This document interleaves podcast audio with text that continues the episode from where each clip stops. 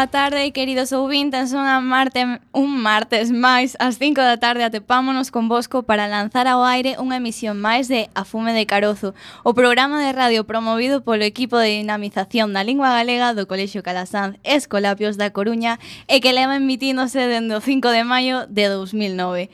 Os alumnos do noso centro teñen neste programa un voceiro perfecto para expresar as súas inquedanzas en galego a través dos máis variados temas. A literatura galega é unha das poucas, probablemente a única, que se atopa edificada sobre os sombreiros dunha muller. Iso ten aínda moito máis mérito se temos en conta os silenciadas que estiveron as mulleres en todas as artes e disciplinas. E no caso da lingua galega, aínda máis, por significar o resurdimento, despois dos tenebrosos séculos escuros. Por todas esas razóns, lembraron a vez máis a figura de Rosalía de Castro, a musa da nosa poesía. Nunca é unha perda de tempo. Ademais, contamos coa vantaxe de que o lirismo e a musicalidade dos seus poemas facilitou que moitos artistas do noso país intentaran levar ao pentagrama a súa obra, con resultados habitualmente moi salientables. Antes de comenzar a debullar os contidos de hoxe, poñeremos algo de música, pero non debemos facelo sen antes presentarnos as persoas que hoxe imos acompañar. Eu son María. Eu son Sabana. Eu son Dani.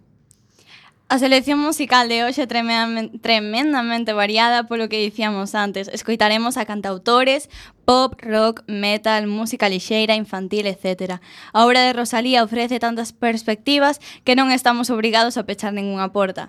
E a súa figura é tan grande que moitos artistas renderonlle homenaxe compoñendo cancións na súa honra, pero non baseándose en ningún poema dela. Por exemplo, Uxía Senlle publicou hai moito un disco de música infantil baseado en poemas da nosa musa de hoxe. Titulouse Rosalía Pequeniña e precisamente a peza que lle dá nome e que imos escoitar agora non era un poema da autora, obviamente, senón unha canción que lle dedican presentándoa cando era meniña. A disfrutala.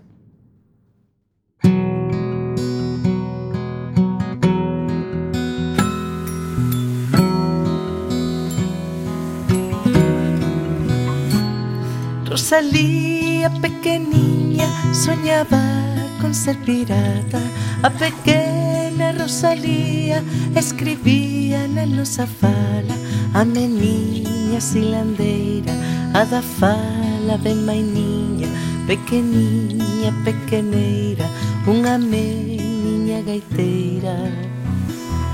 Rosalía pequeniña, medio medio amiga medio fada O peda verde silveira Chamando pola alborada A rebelde revoldeira Non é musa nin postal Sube as polas das figueiras E alideitase a soñar.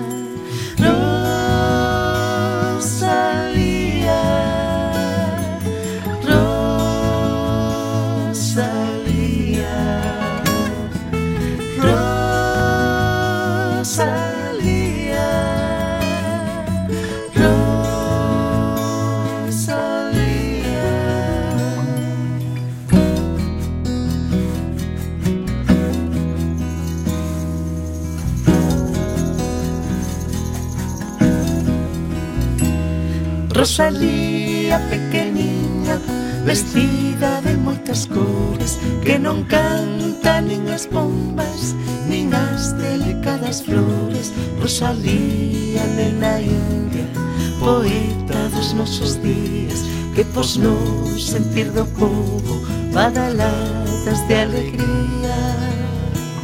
Rosalía, pequeniña Medio meiga, medio fada O oh, de Silveira Chamando pola alborada A rebelde revolveira Non é musa nin postal.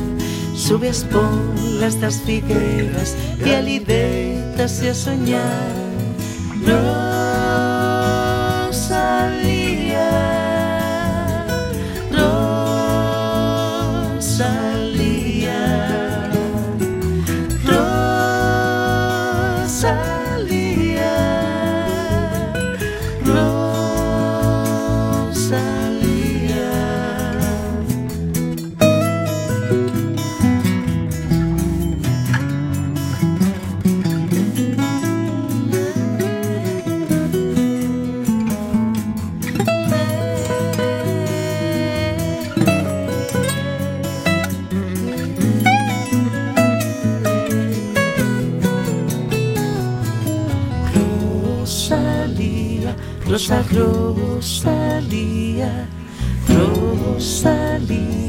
nos arrosa.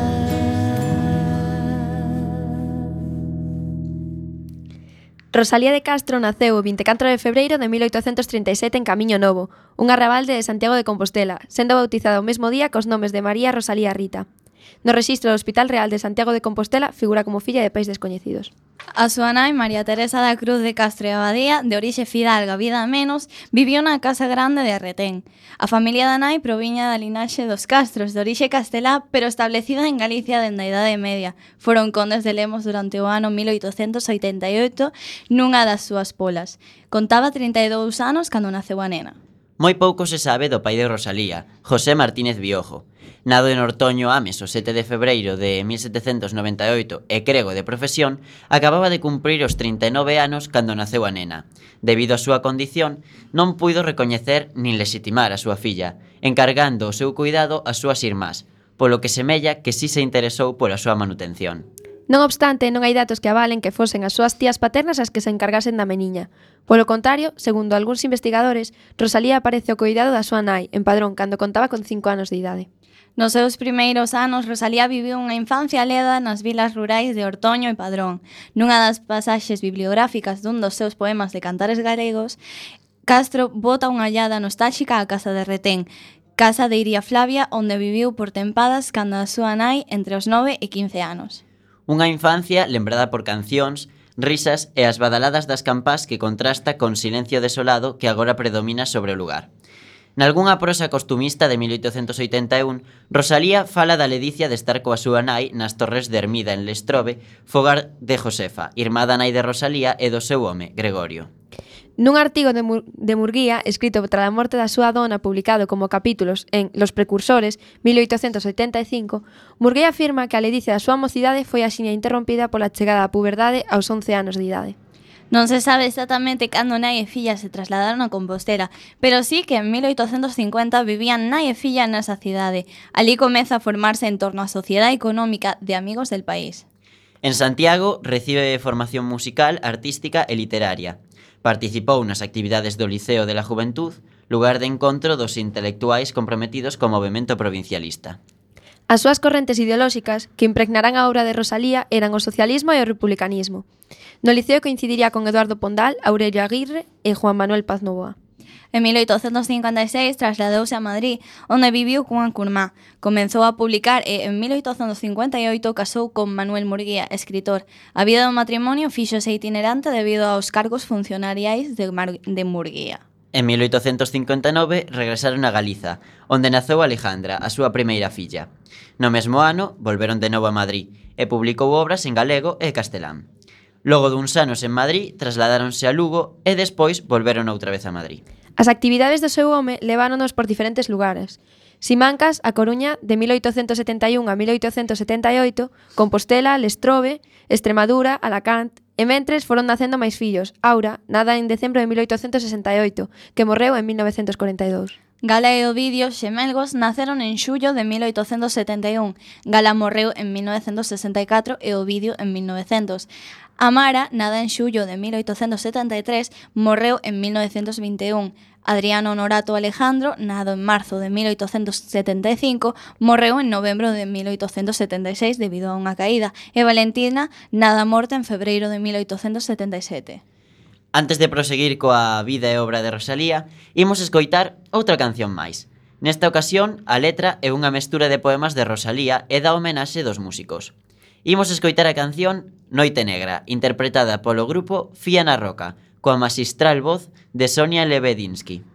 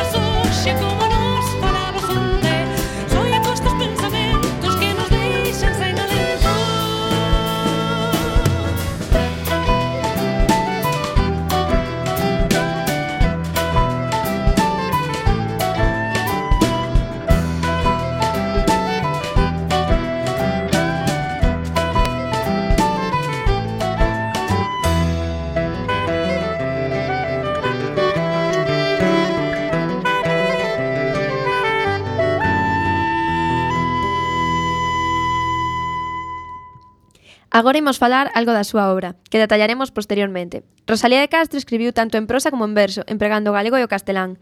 A súa obra estivo profundamente marcada polas circunstancias que rodearon a súa vida, a súa orixe, os problemas económicos, a perda dos seus fillos e a súa frágil saúde.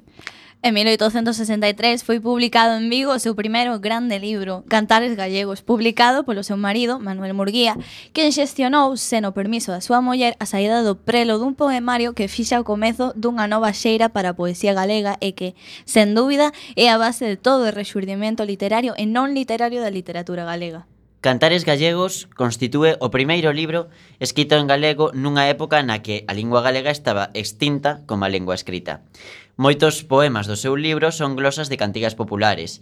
Nelas, Rosalía denuncia a miseria, a pobreza e a emigración masiva a que estaban obrigados os galegos, sen deixar de, veter, de verter os seus sentimentos e vivencias persoais.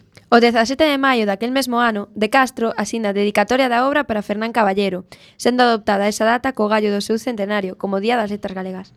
En 1880 a escritora publicou unha escolma de poemas a que chamaría Follas Novas. Nun comezo o poemario concibiuse como unha continuación de cantares gallegos. O 40% dos poemas de Follas Novas teñen afinidade co texto publicado en 1863, mentres que o resto das composicións presentan un diferente espírito poético motivado polo afastamento da terra, as desgrazas familiares e as doenzas físicas e morais. Estamos, xa que logo, ante unha poética que afonda nos sentimentos, na saudade e que ten, frecuentemente, por horizonte, a fronteira do propio ser. En castelán publicaría La Flor, 1857, a mi madre en 1863 e En las orillas del Sar en 1884 e a novela El caballero de las botas azules en 1867, todas elas encravadas no movimento romántico. Tamén se conserva un breve fragmento dunha obra de teatro escrita en castelán, romana, que, pola súa correspondencia privada, sábese que a terminou, aínda que debe de estar entre as obras da escritora queimadas a súa morte. Voltando á súa vida, Rosalía botou os seus derradeiros anos en Padrón, onde a familia alugara a Casa da Matanza, que despois se convertería en Casa Museo. A morte do seu fillo máis novo os dous anos por mor dun accidente e a súa enfermidade amargáronlle os derradeiros anos. Desgraciadamente, morreu de cancro en 1885, aos 48 anos na súa casa de Padrón, a cal é hoxe un museo. Rosalía foi soterrada no Camposanto da Adina, Anos máis tarde, en 1891, os seus restos foron trasladados ao actual Panteón dos Galegos Ilustres, da Igrexa de San Domingos de Bonaval, en Santiago de Compostela. Recibiu con fervor os santos sacramentos, recitando en voz baixa as súas predilectas oracións. Encargou aos seus fillos que imasen os traballos literarios que, reunidos en, e ordenados por ela mesma, deixaras en publicar. Dispuxo ser soterrado no cemiterio da Dina e pedindo un ramo de pensamentos, a flor da súa predilección non ben foi e a chegada aos beizos sufriu un afogo que foi o comezo da súa agonía.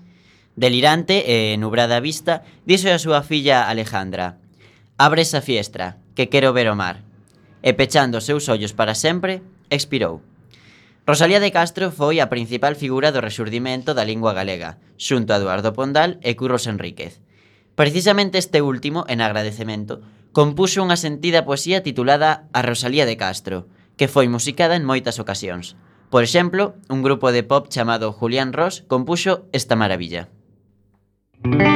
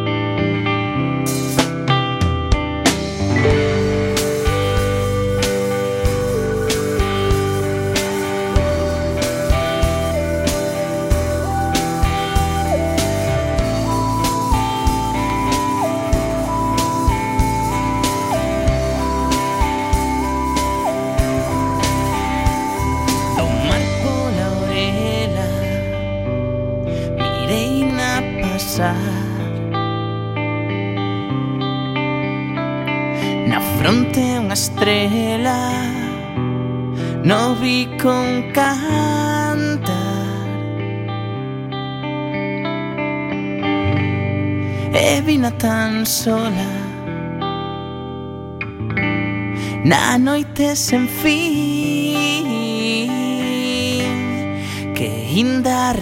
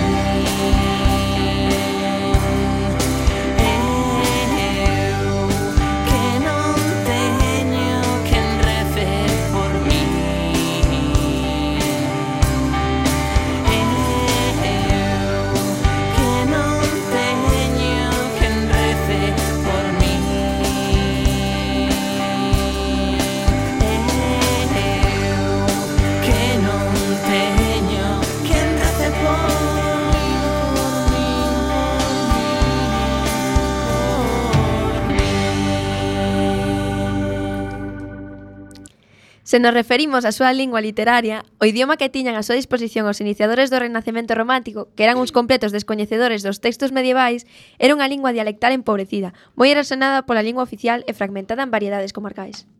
Non se pode afirmar que Rosalía de Castro escribise nun dialecto determinado, aínda que o seu elástico sistema de normas lingüísticas tiña como base xeográfica as falas das comarcas bañadas polo Sar e o Ulloa, cunha clara tendencia ao seseo.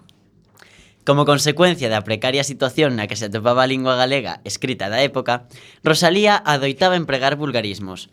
Probe en lugar de pobre, espranza en lugar de esperanza e dereito en lugar de dereito son algúns exemplos. Hipergaleguismos como concencia ou pacencia e castelanismos como dicha, dios, conexo, Tamén son habituais nas súas obras as vacilacións léxicas, frores, frois, froles ou dor, doure, delor, e morfolóxicas, adoptando diferentes solucións para a formación de plurais das palabras agudas. Malia todo, a Rosalía interésalle máis a vivacidade e capureza da lingua galega que emprega para expresarse, o que deixa patente no prólogo de Cantares Gallegos. É ali onde se di que a pesar de carecer de gramáticas e de regras que proporcionan a aparición de erros ortográficos, a autora puxo o seu maior cuidado en reproducir o verdadeiro espírito do povo galego. Nos últimos anos da súa vida, toma unha decisión drástica, Nunha carta que Rosalía lle dirixe o seu, man, o seu marido, Manuel Murguía, asenada en Lestrobe en xullo de 1881, deixa dito «Nin por tres, nin por seis, nin por nueve mil reales volveré a escribir nada en nuestro dialecto, ni tampouco eh, a ocuparme de nada que a nuestro país concierna». E non se sentía só doída, senón tamén fondamente decepcionada, polo que se desprende dos seus argumentos nese mesmo texto. Se atreven a decir que esfuerza que me rehabilita entre Galicia. ¿Rehabilitarme de qué? ¿De haber hecho todo lo que en mí cupo por su engrandecimiento? El país sí que es quien tiene que rehabilitarse para con los escritores, a quienes, aun cuando no sé más que por buena fe y que entusiasmo que por el que el trabajado, le deben un estis- estimación y respeto que no saben darles. A tan citada misión de Rosalía nacera en resposta ao escándalo e as duras críticas que que en algúns xornais do país provocara o seu artigo Costumbres Gallegas, publicado en Los Lunes del Imparcial de Madrid. Nel referíase a un antigo a un antigo costume de algunhas zonas de costas galegas nas que as familias, como mostra de hospitalidade e extrema xenerosidade, realizarían o sacrificio de permitir que o mariñeiro forasteiro pasase unha noite cunha muller da casa. Con todo, a pesar da contundencia dos parágrafos anteriores, Rosalía remataba pedíndolle a Murguía que lle comunicase o editor da a súa resolución de non, de non volver a escribir en galego, de unha vez que a él non le conviene aceptar las condiciones que le he propuesto. Non estaba pechándose así totalmente en banda. Con estes datos e coas conclusións as que chegan os distintos historiadores, pódense avanzar tres posibles razóns para o seu abandono da lingua da que foi nai. Foi unha decisión nacida da súa dor e fatiga de non ver recoñecido o seu esforzo e contribución á lingua propia, que lle sucedeu a Curros Enríquez, excomulgado da, pola Igrexa, e Francisco Añón, que morreu na miseria. Rosalía buscaba un respecto profesional, aceptar las condiciones que le he propuesto, que non daba conseguido. A súa morte prematura converteu, en definitiva, unha decisión que non tiña por que selo. Como remate, tamén compre lembrar que Rosalía ordenou que, a súa morte, fosen queimados os seus escritos. Non se pode desbotar que, entre eles, houbera obra en galego. Para proseguir coa nosa variedade musical de hoxe, agora toca música lixeira. Probablemente Negra Sombra é o poema máis musicado de Rosalía. Das moitas versións dispoñibles, imos quedar coa dos Támara e coa inconfundible voz de Pucho Boedo. Non está moi claro a que se refire a ambigua letra do poema, pero algúns profesionais da medicina din que lles parece a descripcións máis perfecta da depresión. Pero vos non vos deprimades escoitándoa, claro.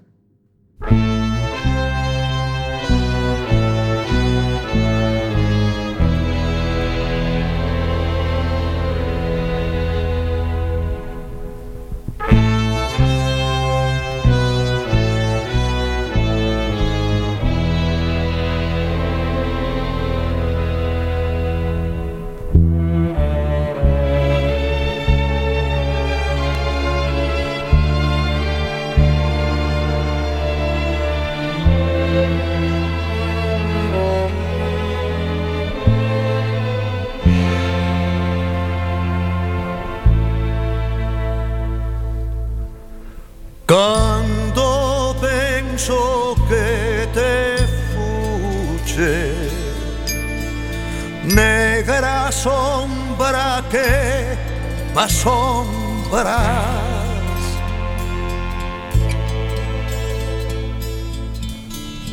O oh, pedos meus cabezales tornas facendome mofar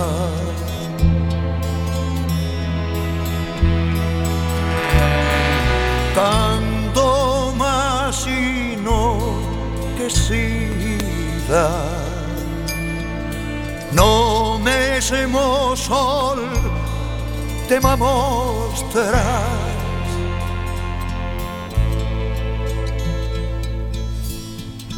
Y eres estrella que brilla y eres o vento que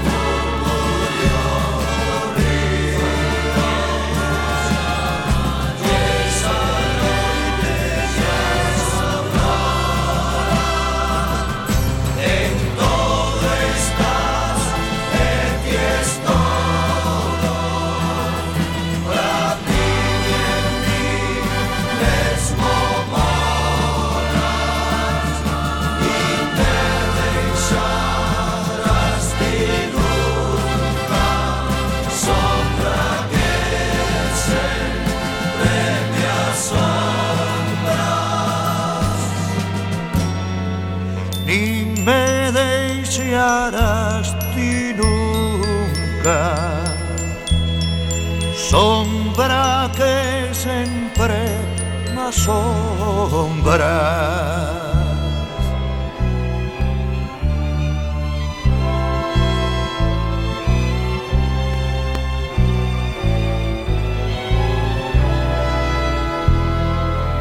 En todo estás ti es todo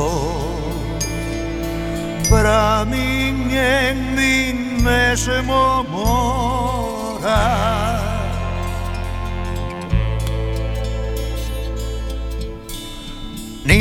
abandonarás nunca, sombra que sempre me assombrar.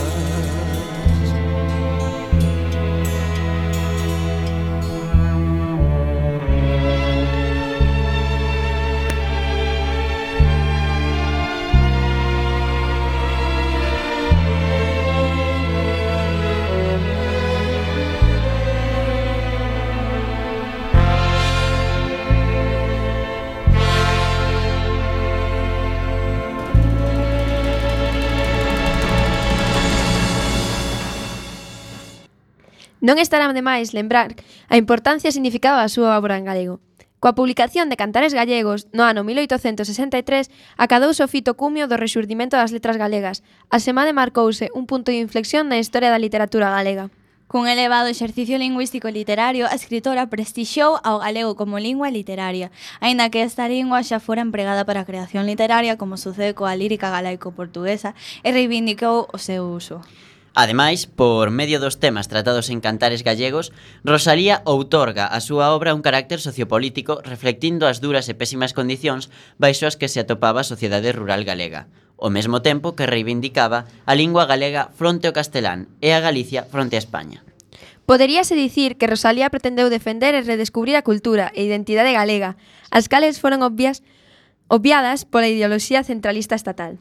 A pegada de Cantares Gallegos quedou reflectida tanto na posterior produción literaria como no mesmo pobo galego, que ao verse reflectido na obra rosaliana, tomou conciencia da súa propia dignidade.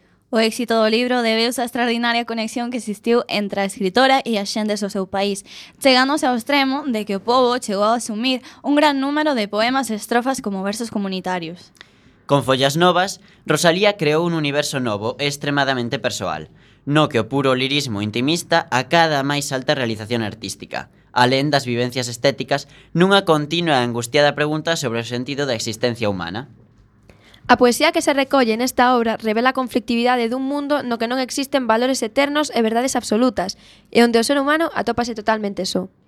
É a cosmovisión pesimista e angustiada a que trasluce a crise de valores da sociedade capitalista fronte á seguridade de sociedade patriarcal, que aparece en descomposición pola acción daquela. A valoración da obra, da obra rosaliana e a mitificación da escritora producíranse o falecemento da mesma, posto que ao longo de a súa vida esta foi permanentemente menosprezada e marxinada, ficando afora de escritos tan relevantes como la literatura en 1871 de Leopoldo Alas e Armando Palacio Valdés, Foi necesario agardar até os, moderni os modernistas e a xeración do 98 para que recoñecesen en Rosalía a unha creadora afina ao seu espírito. Os maiores promotores de Rosalía de Castro foron os escritores do 98, que naderon a coñecer a través dos seus escritos en toda a xeografía española e na América hispanofalante valéndose do seu gran recoñecemento social e da reedición de moitas das páxinas que escritas por eles que, que versaban sobre a escritora. Principalmente foron Azorín e Miguel de Unamuno os máis acérrimos valedores de Rosalía, que enllederon entre 1911 e 1912 un total de seis artigos que versaban sobre a escritora galega. O resto de literatos da xeración do 98 non se pronunciaron en favor de Rosalía de Castro e se fixeron e se o fixeron foi dunha forma moi tenue, como fixo Antonio Machado cunha lacónica e tardía observación sobre a hipotisa. Destacou tamén mm, Ramón María de Valle Inclán, mais neste caso polas duras críticas e xuizos negativos que lle dedicou a obra rosaliana, a pesar de ser amigo do seu marido, Manuel Murguía, quen se encargou da redacción do prólogo da súa obra titulada Femeninas, do mesmo Valle Inclán.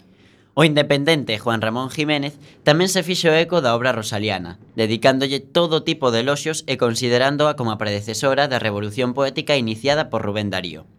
Considerando a unha poeta do litoral, do mesmo xeito que facía con Becker, Jiménez outor outorgalle o calificativo de innovadora e precursora do modernismo español. E agora xa vai tocando algo de rock. No ano 2013, o guitarrista galego Narf fixo un disco titulado Nas tardes oscuras, sobre poemas da nosa figura de hoxe. A ver que vos parece esta Nunca sospiro, que escollemos para vos.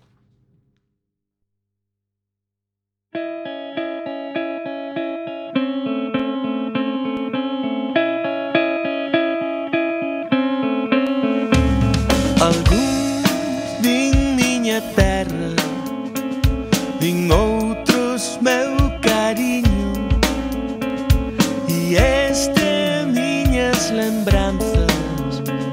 E aquelos meus amigos Todos suspiran Todos por algún ben perdido.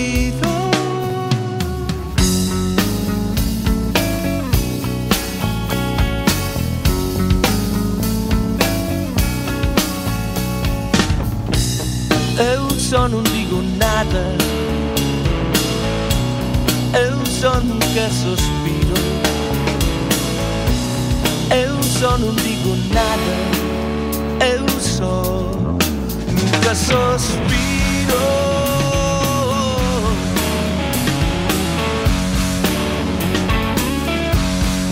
Nunca sospiro.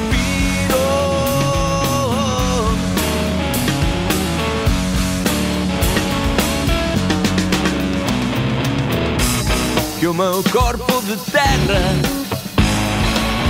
e o meu cansado espírito onde quer que eu vaya,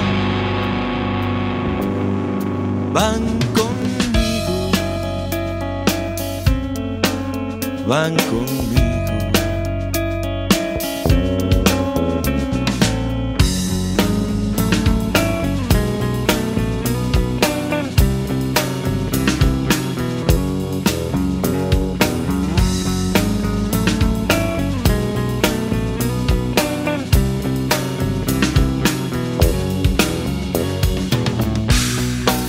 só não digo nada.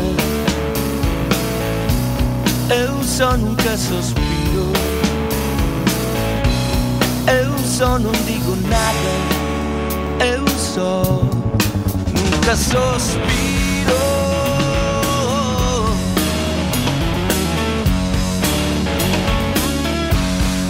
Nunca suspiro.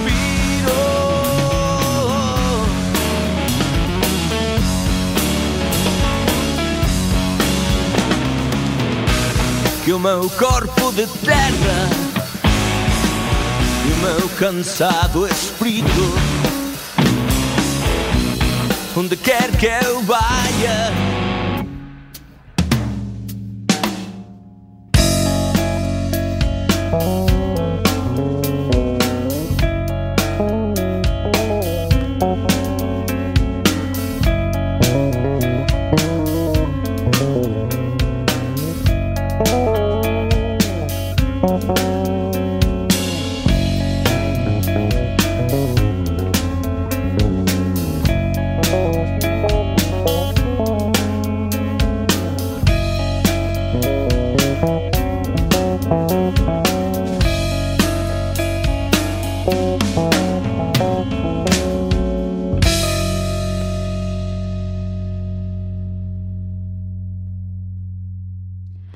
20 de marzo de 1963, tres membros numerarios da Real Academia Galega, concretamente Francisco Fernández del Riego, Manuel Gómez Román e Xesús Ferro Couselo, enviaron unha carta ao que por aquel entón ostentaba o cargo de presidente da institución Sebastián Martínez Risco, na que se sometía a consideración da Xunta Xeral a proposta de celebrar o centenario da publicación da obra Cantares Galegos de Rosalía de Castro.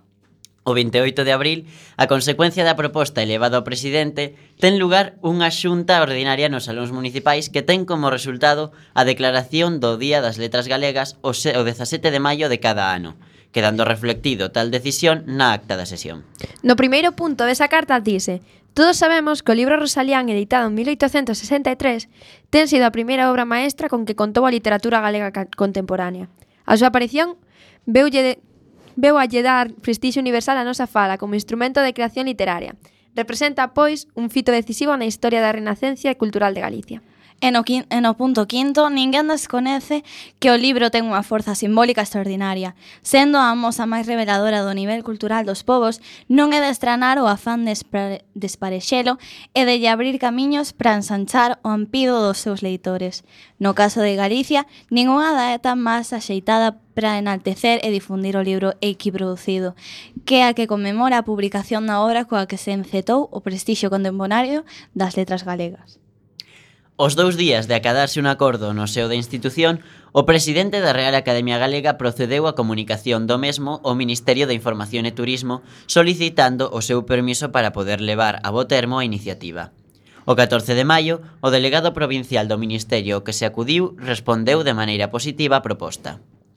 Así, aquel ano de 1963 honrouse a figura de Rosalía por medio de diversos actos que foron promovidos pola institución académica, tendo isto como sede principal a cidade da Coruña. Porén, noutras cidades de toda Galicia tamén se promoveron distintas homeaxes e actos con, co obxectivo de honrar tanto a escritora como a súa obra. Na actualidade son varias as institucións, espazos públicos e bens de consumo designados co nome de Rosalía de Castro, pondo isto de manifesto o arraigamento social que ten a figura de escritora. Deste xeito, é posible atopar centros de educación tanto en Galicia como no resto de rexións de España, en Rusia ou en Uruguai, chamados igual que a escritora, o que se debe engadir numerosos parques, prazas e rúas, asociacións culturais, premios outorgados a persoas íntimamente vencelladas á lingua galega e castelá, bibliotecas, agrupacións folclóricas, coros musicais e mesmo un viño con denominación de orixe Rías Baixas. Con todo, resulta curioso que un avión da compañía Iberia, así como a súa aeronave procedente a salvamento marítimo, fosen bautizados igual que a escritoria. Obviamente, son varios os monumentos, placas conmemorativas e esculturas principalmente, dedicados á súa figura en diversos países do mundo. Ademais, en 1994, a Unión Astronómica Internacional asignou o nome da escritora a un cráter da superficie de Venus o 8 de abril de 1964, a Fábrica Nacional de Moneda e Timbre emitiu para Correos de España un selo postal de seis pesetas no que aparece a figura de Rosalía de Castro nunha ribeira, canda un cruceiro e un orrio nun grabado de Daniel Carán de Boto. Coa emisión do 23 de outubro de 1979 apareceu o último dos billetes de 500 pesetas, posto que este sería sustituído en 1987 por moedas de igual valor. O billete distinguíase por presentar no anverso o retrato de Rosalía de Castro, grabado por Pablo San Pedro Moledo, así como por mostrar no reverso Casa Museo de Rosalía cita en padrón e uns versos coa caligrafía da súa autora, pertencentes á obra Follas Novas. Desta forma, Rosalía de Castro converteuse, xunto con Isabela Católica, no único personaxe feminino non alegórico retratado no anverso dun billete propiamente español. O 24 de febreiro de 2015, o Doodle de Google estivo adicado a Rosalía de Castro para conmemorar o 178 aniversario do seu nacemento. Voltamos á música. Tamén no ano 2013, ao igual que Narf, o magnífico grupo A Cada Canto editou un disco chamado A Rosa da Andina, con seis fermosas pezas de Rosalía. A nós, unha das que máis nos gusta é Onde pousei a infancia. Música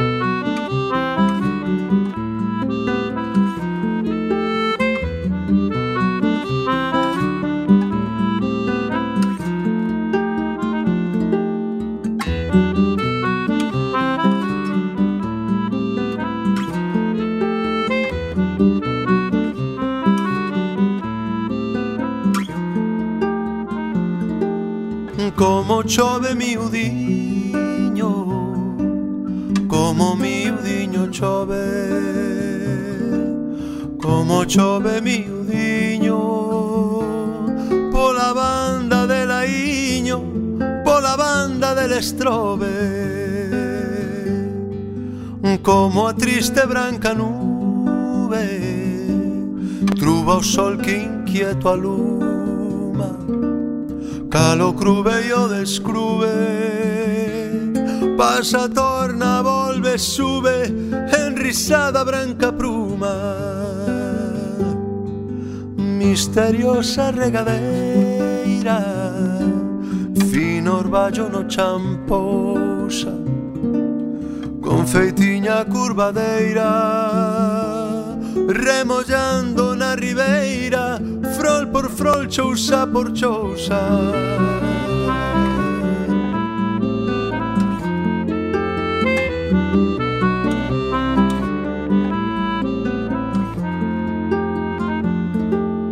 Como chove miudiño Polas veigas de campaña Cal se enxugan de camiño Os cervales de la camiño como a ponte en sol se baña. Para caldas todo escuro ceo azul o senadina Transparente, limpo e puro Da retén no monte duro Nube corre peregrina.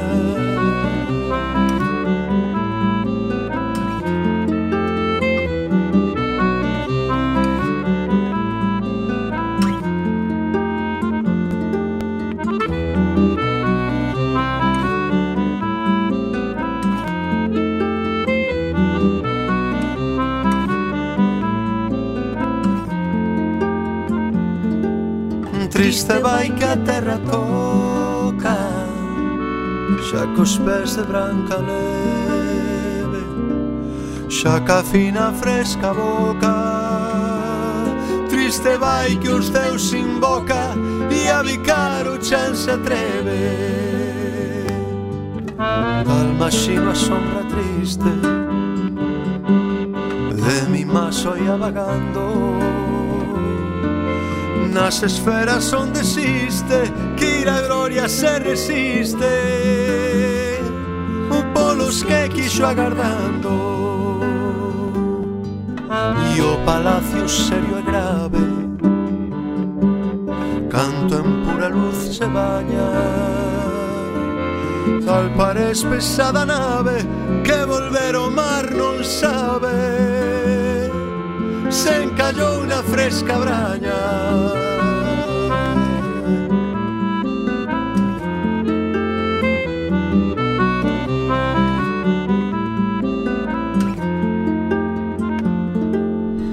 fixo valga beira hermosa Dun camiño todo prata Casta virxe candorosa Sentadiña en chan de rosa Vestidiña de escarlata.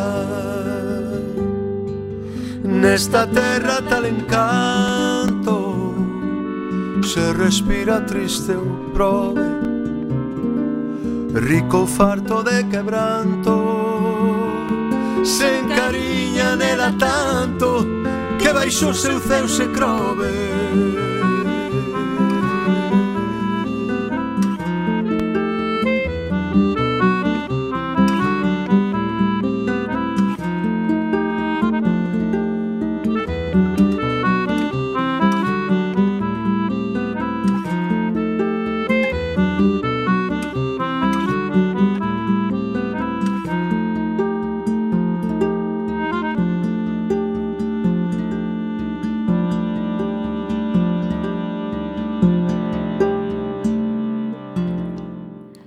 Agora imos detallar todas as obras que publicou. A pesar de ser a nai da literatura galega, foron moi poucas as obras que escribiu na nosa lingua. En prosa só publicou Contos da miña terra 1 en 1864. En poesía só publicou os dous libros esenciais que xa foron mencionados, Cantares galegos na imprenta de San de Juan Compañel, Vigo 1863 e Follas novas, La propaganda literaria de La Habana, Madrid 1880. Pola contra, en castelán publicou bastante máis, aínda que, como puidestes escoitar, tamén tardou bastante en ser recoñecida. En poesía publicou La Flor, pola imprenta de M. González, Madrid, 1857, A mi madre, imprenta de Compañel, en Vigo, 1863, e En las orillas del Sar, na imprenta de Ricardo Fe, Madrid, 1884. En canto a prosa, tivo unha maior produción. La hija del mar, coa imprenta de Juan Compañel, Vigo, en 1859. Flavio, publicada por entregas no seminario La Crónica de Ambos Mundos, Madrid, en 1861. Las literatas, imprenta de Soto Freire, Lugo, en 1865. El Cadiceño, en Almanaque de Galicia, Lugo, 1866. Ruinas, publicada por entregas en el Museo Contemporáneo, Madrid, 1866. El Caballero de las Botas Azules, imprenta de Soto Freire, Lugo, 1867. Tamén El primer loco, por Imprenta e Librería Molla e Plaza en Madrid, 1881, El Domingo de Ramos, que é un apéndice del primer loco, en 1881 tamén, Padrón y las inundaciones, la ilustración gallega y asturiana, Madrid, 1881. Mais non debemos pensar en Rosalía como unha poeta local totalmente descoñecida no exterior, nin moito menos. É tal a aceptación e interese que as obras desta escritora expertan no mundo que nas últimas décadas os seus poemas foron traducidos a linguas como o inglés, o francés, o alemán, o ruso, o xaponés, o italiano e o catalán. Non podíamos rematar o programa sen poñer algunha canción do cantautor berciano Amancio Prada, que xa no ano 1975 grabou un disco que se considera unha obra maestra da música rosaliana. Sendo moi difícil escoller, quedámonos con Adiós Ríos, Adiós Fontes.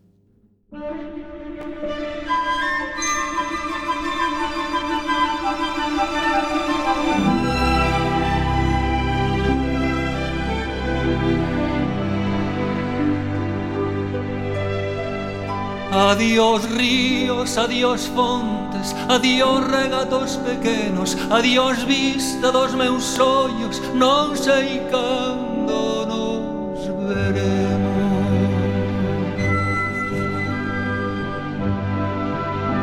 Miña terra, miña terra, terra donde meu criei, hortiña que quero tanto, figueiriñas que plantei Prados, ríos, arboredas, pinares que moi o vento Paxariños piadores, casiña do meu contento Muiño dos castañares, noites claras de luar Campaniñas timbradoiras da igresiña do lugar Amoriñas das silveiras que eu lle daba o meu amor Camiñiños antro millo, adiós para sempre, adiós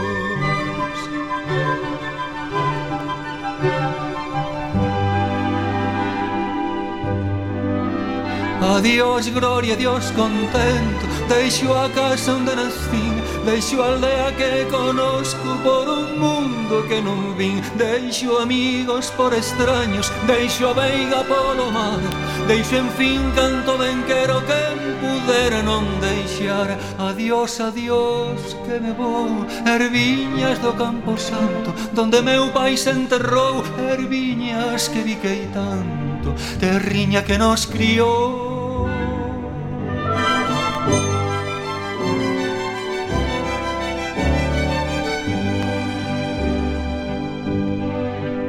Xa se oyen lonxe moi lonxe as campanas do pomar Para min aí coitadiño nunca máis han de tocar. Xa se oyen lonxe máis lonxe cada bala da un dolor. Vou me sollo sin arrimo, miña terra, adiós, adiós, adiós tamén queridinha Adiós por sempre quizáis, digo cheste adiós chorando dende a viña do mar Non me olvides, queridiña Si morro de soidas Tantas leguas mar adentro Miña casiña meular Adiós ríos, adiós fontes Adiós regatos pequenos Adiós vista dos meus ollos Non sei cando nos veremos Non sei cando nos veremos.